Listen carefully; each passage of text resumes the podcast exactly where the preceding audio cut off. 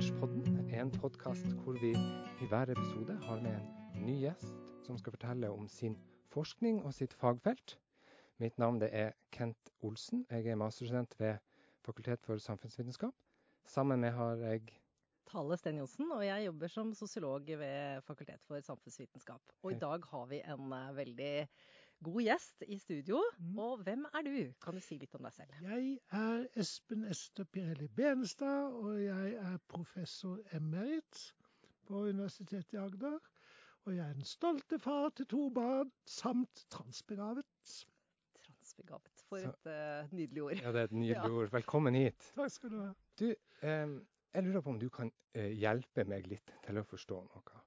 Ja. Fordi at når vi snakker om, om ja, dette med å være transbegavet, dette med mm. kjønn, dette med kjønnsidentitet, uh, så er det Det virker til å være en litt kompleks debatt. Det kan man si. Ja, Og noen får jeg følelsen av snakker om én ting, noen snakker om begge ting. Og noen snakker om noe helt annet. ja. Så lurer jeg litt på når vi, når, vi da, når vi, da, skal ta fatt på kjønnsidentitet, sånn som vi skal gjøre i dag, hva er det, det egentlig det handler om? Ja, det er et kjempegodt spørsmål. fordi på en måte grunnleggende så, så er jo spørsmålet hvem kan bestemme andres kjønn, og hvordan? Mm. Og I det spørsmålet så ligger det kromosomer, det ligger genetikk, det ligger hormoner, det ligger kjønnsorganer. Det ligger veldig mye i det spørsmålet. Hvis dere stiller det spørsmålet til en svært avansert kjønnsbiolog Det er ikke nok å være biolog, men en som er opptatt av dette med kjønn og identitet, så vil vedkommende svare at den beste måten å bestemme et annet menneskes kjønn på, det er å spørre. Ja. ja. Mm. Så det sier noe at noe vesentlig av det vi kaller kjønn, er en subjektiv opplevelse. Mm.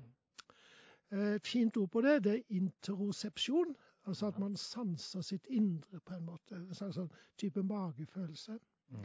Men så har vi jo mer sånn kulturelle forståelser av det. Og, og det finnes jo én ting eh, som er todelt i naturens biologi. Mm.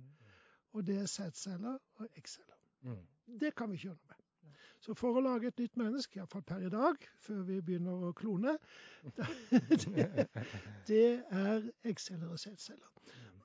Så hvis, hvis, kjønn bare var det, så var det jo greit. Og, og det finnes eh, enkelte kulturer som sier det. At for at du skal være kvinne, så må du ha født et barn. Skal du være mann, så må du være far til to. Ja. ja. Og hvorfor den forskjellen? Jo, det sier så vakkert på engelsk. Mammas baby, pappas maybe. Ja, så, så, har man da tatt den der eh, i vår kultur, tatt denne todelingen mellom eggceller og sædceller, og så har man gjort det til noe som skal bestemme over kjønnsidentitet, bestemme over hva vi skal ha på oss, bestemme over hvilke jobber vi kan få, hvordan vi skal oppføre oss, Eh, det bestemmer Du kan ta kjønn og sette nesten foran hva som helst. Kjønnsvorter, f.eks. De er jo ikke todelte. Nei. eller kjønnsutvalg. Formerer det seg selv? Ja, kanskje noen ganger. Men jeg ser at, at selve ordet kjønn er jo utrolig mye mer mangslunget mm. enn bare forplantning. Mm. Ja. Så i mitt hode så er kjønn forplantning.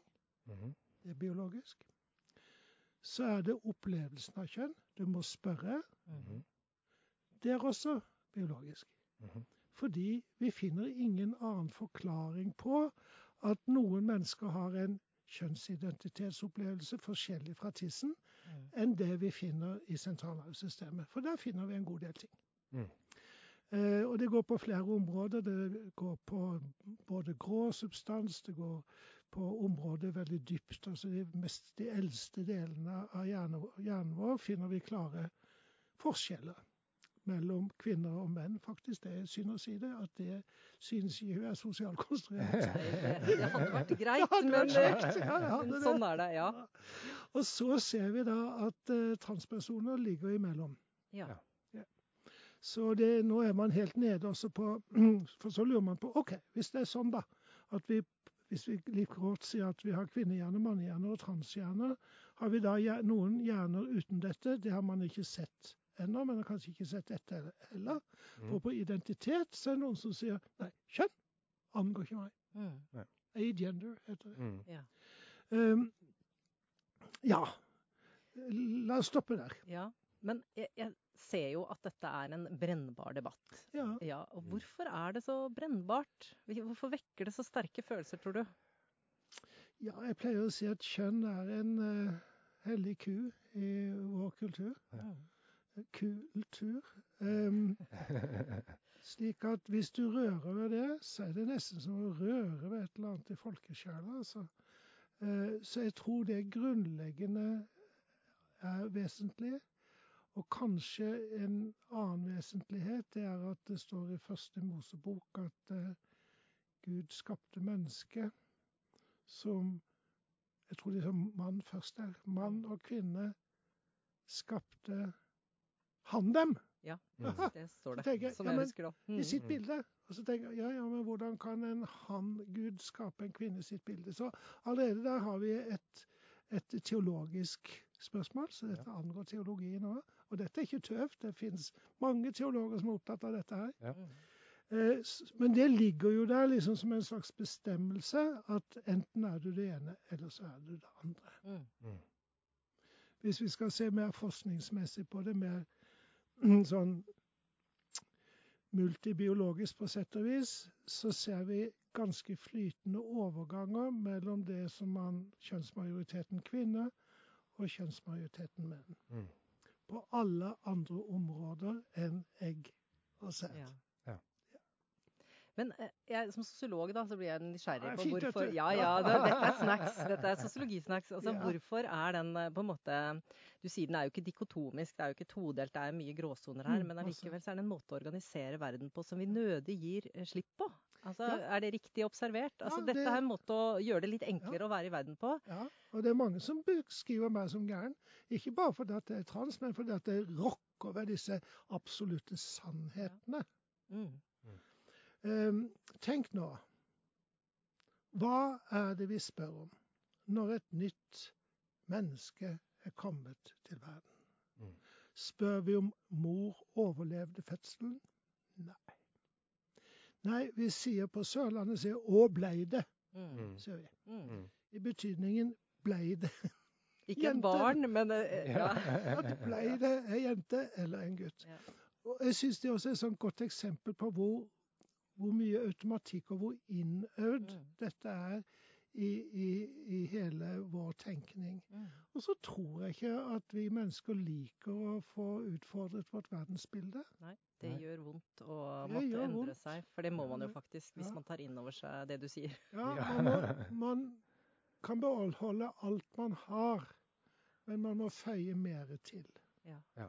Det syns jeg også er viktig. Mm. Mm. Altså, øh, ingen i, i verken i forskning eller i klinikk, og jeg representerer jo begge deler, er av den oppfatning at vi ikke lenger skal ha kvinner og menn. Vi har til og med gitt, gitt vanlige kvinner og menn et, for, et, en, et prefiks.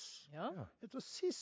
ja. Ja. Og si hva, hva er det? Sis betyr samsvar mellom det kjønn du ble tildelt ved fødselen, og det kjønnet du gjennom introseptive opplevelser kjenner at du har. Ikke sant? Yes. Ja, så bra. Så det blir stadig flere nyanser her, men også et rom for dem som eh, vil følge hovedstrømmen, hvis man kan si det sånn. Ja, I høyeste grad. Mm. Og nå er det kanskje noen som hører på denne podden, Ja. og som tenker har jeg en kjønnsidentitet?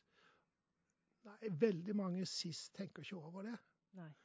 Men forestill dere at dere bor på et hotell i London. Skal bo der en uke. Og nå snakker jeg til en som er kvinne og en som er mann, så jeg fått sånn ut, og høres slik ut også. Men de- av dere som er da cis-menn som hører på dette, og som bor, skal bo på dette hotellet i en uke, når dere kommer ut på korridoren om morgenen, så sier som, de som driver og tusler og vasker og rydder der, sier 'Good morning, madam'. Mhm. Og så kjører man heisen ned og, og skal si- spise frokost, kanskje litt undrende. Og så kommer kelneren bort eh, og sier at eh, 'Madam, would you like some coffee?' Mm. Mm. Eller hvis du er cis-kvinne 'Good morning, sir. Mm. What would you like for dinner, sir?' Yeah. driv på med det en uke, så tror jeg dere vil merke at dere faktisk har en kjønnsidentitet. Ja. Og det jeg nå beskrev, det er jo nettopp opplevelsen de har, Mm. som ikke er cis. Mm. Mm. Så en minoritetserfaring som hovedstrømmen, hvis man kan si det sånn, ikke har. Men dette gjelder jo for veldig mange typer eh, forskning vi holder på med nå. Og, All minoritetsstressforskning går jo på dette. ja, og, og jeg ser jo at minoritetsforskning som tar inn over seg de perspektivene, Mm. det blir ofte beskyldt for å være politisk og uvitenskapelig osv. Fordi at det, det liksom ikke hva skal jeg si ikke for noe? telle det, vet du, så lett. Nei, Nei. for det er kanskje mer innenfor det samfunnsvitenskapelige feltet, og det er jo litt lavere status. Ja. ja, altså jeg, jeg syns jo dette er, er veldig interessant. Men, kan du um, fortelle Jeg jeg har hørt litt eh, fra deg før, Ja. og jeg synes jo de reiser har vært veldig spennende. Kan du ta oss med på, på, på de reiser? Uh, på, på dine erfaringer med dette å skulle uh, uh, kjenne på en kjønnsidentitet som, som ikke samsvarer med nettopp den her Good morning, eh, madam. Good morning, sir. Sant. Altså, jeg er 72, så kan jeg ja. si at den reisa begynte da jeg var fire. Ja, Ja. nettopp. Ja. Og, og da, eh, Min opplevelse da det var at, eh, at jeg misunte jentene, hvis, for å si det veldig veldig, Mm. veldig kort. Så vedvarte det, og så skjønte jeg da, sikkert av sosiologiske grunner, at dette burde jeg ikke si til noen. Mm. Slik at jeg ble en mester i forkledning Mm. på den måten at ingen visste hva som foregikk inni meg. For det var et form for avvik eh, Ja visst. Og, og i løpet av de første fire årene i mitt liv, så hadde kulturen lært meg at gutter skal ikke gå i kjole. Mm. Så det visste jeg at jeg ikke kunne si. Men jeg var jo et fremmelig barn. Svært fremmelig barn, for Ja. å si det sånn. Så jeg hadde mye jeg kunne gjemme meg bak. Masse, masse talent. Eh, og dessuten så var jeg såpass selvstendig at jeg var ikke gamle menneske før jeg ble spurt om jeg kunne være alene hjemme, passe huset. Det kunne jeg. Ja. sa jeg ja til, vet du. Ja. Så da hadde jeg en lang periode hvor jeg brukte min mors eller min søsters klær, og så var jeg jente når jeg var hjemme alene. Mm. Mm. Veldig fint. Og det ga meg litt ro i sjelen. Mm. Det var, det var som liksom denne greia inni meg, den, den fikk, fikk litt uh, bekreftelse, og det var bra.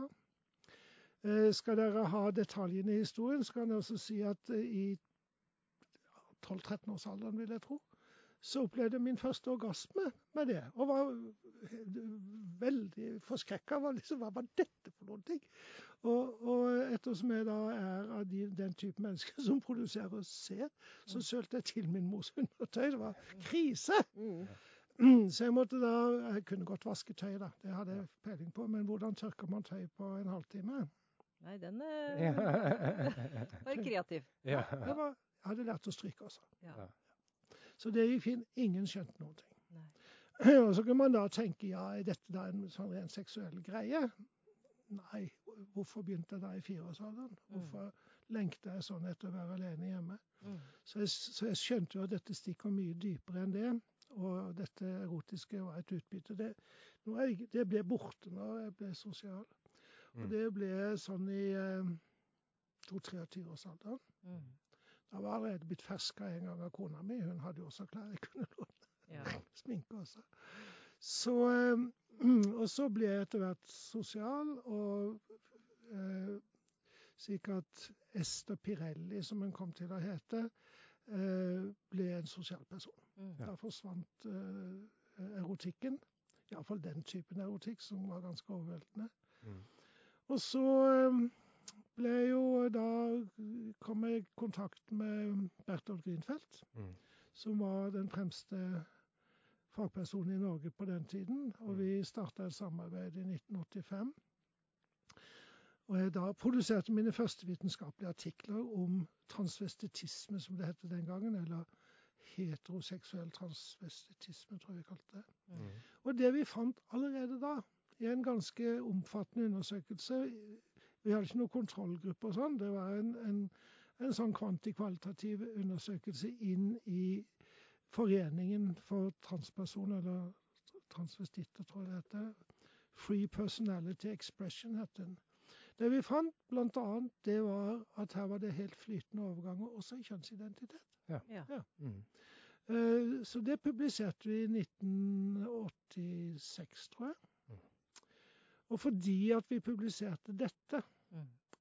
så ble det lest av en eh, annen sexologperson som heter Elma, Elsa Almas. Og hun skulle arrangere en, eh, en konferanse i Bergen, en, en eh, nordisk konferanse i sexologi.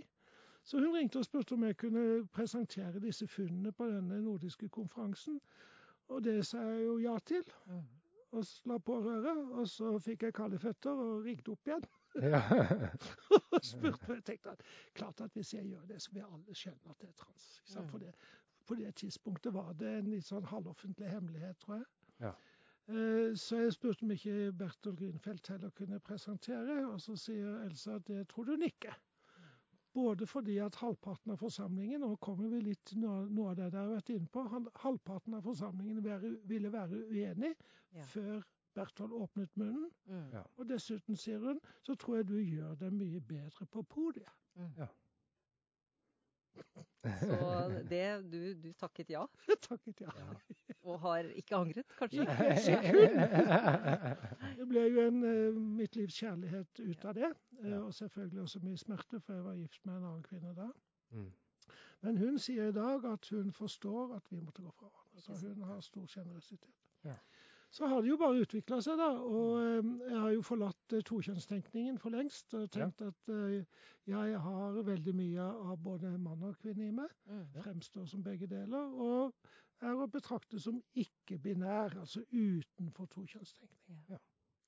Og, og eh, dessverre har vi ikke tre timer å snakke, for Nei, her er det så Jeg tenkte når den spurte om det, så Ja. ja, ja. Lykke til, tenkte du.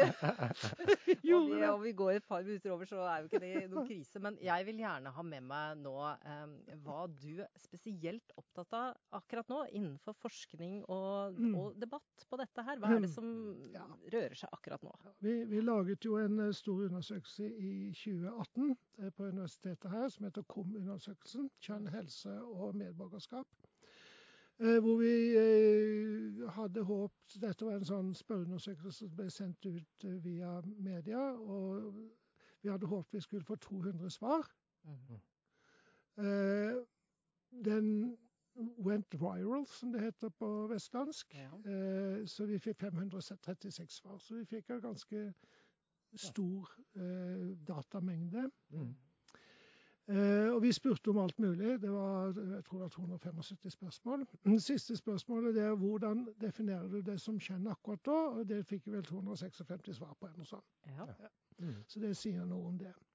Så det jeg er opptatt av, da, det er resultatet av denne undersøkelsen, som helt på linje med den såkalte Agder-undersøkelsen sier at rundt 30 av de personene som opplever kjønnsinkongruens, og som svarte på skjemaet, har gjort selvmordsforsøk. Mm. Ja. Himmelhøyt Mm. over alt annet, tror jeg. I, I landet og, og andre grupper. eh, Ja, ja. jeg mener det. Eh, Det er noen regnestykker på forskjellen der som ikke er helt husker, men det er veldig, veldig, Mm. veldig dramatisk. Mm. Så skulle få ethvert helsevesen til å løpe. Mm. Det gjør ikke helsevesenet. Nei. Og det er det jeg er mest opptatt av. Ja. Det er at vi har et helsevesen som ikke møtekommer denne, eh, denne befolkningsgruppa, og som, gjør, som fremdeles sykeliggjør og psykiatriserer og alt dette. Vi finner ingen grunn, verken i våre undersøkelser eller i all den kliniske erfaringen Jeg har jobbet med dette i 35 år. Mm. Eh, og det er også forskning. Altså, Det er jo også empiri. Eh, og når du da, hvis du da er i stand til å, å eh, gjøre dine erfaringer overførbare, og det har vært, også vært veldig viktig for meg i forskningssammenhenger, å, se hvor mye av det jeg har lært er overførbart, det finner jeg ut ved å spørre hva andre kliniske Mm. sammenhenger har lært, og se er dette Opplever vi det samme uavhengig av hverandre? Og det gjør vi.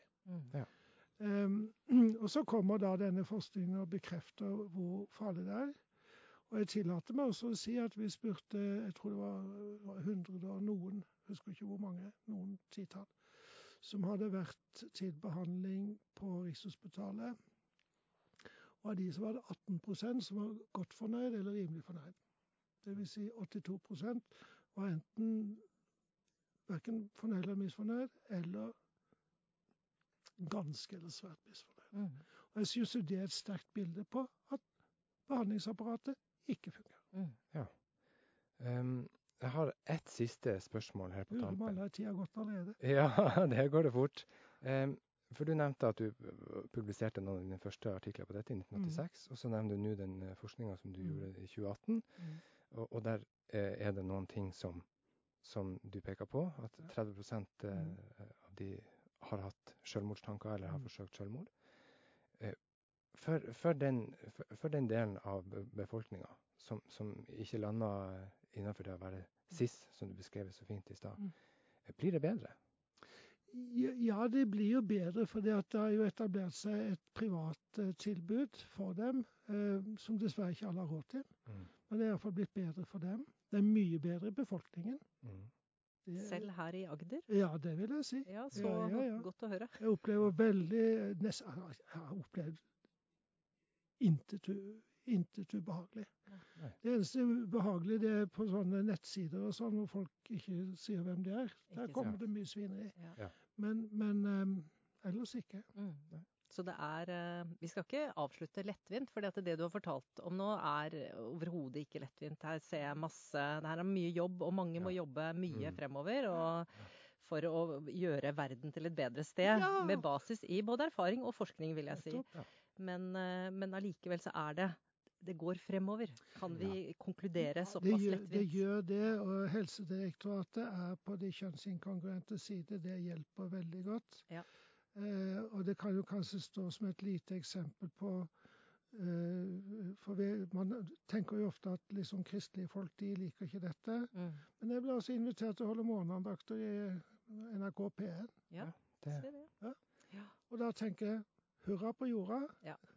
Ting Da skjer. har vi ting Ting skjer. skjer. Jeg har i hvert fall blitt veldig mye klokere av å høre på deg, og så anerkjenner jeg at det, det er mer lesing som gjenstår her. Eh, Ja. For en sosiolog som skal både møte studenter og kollegaer og sånn, så bør jeg egentlig bli enda klokere. Men, men dette var et lite bidrag, så tusen takk for at du kom. Takk for at jeg fikk komme. Mm. Ingen talerstol er meg fremmed. Nei, så bra. det er bra. OK, da kan vi bare si takk for denne gang.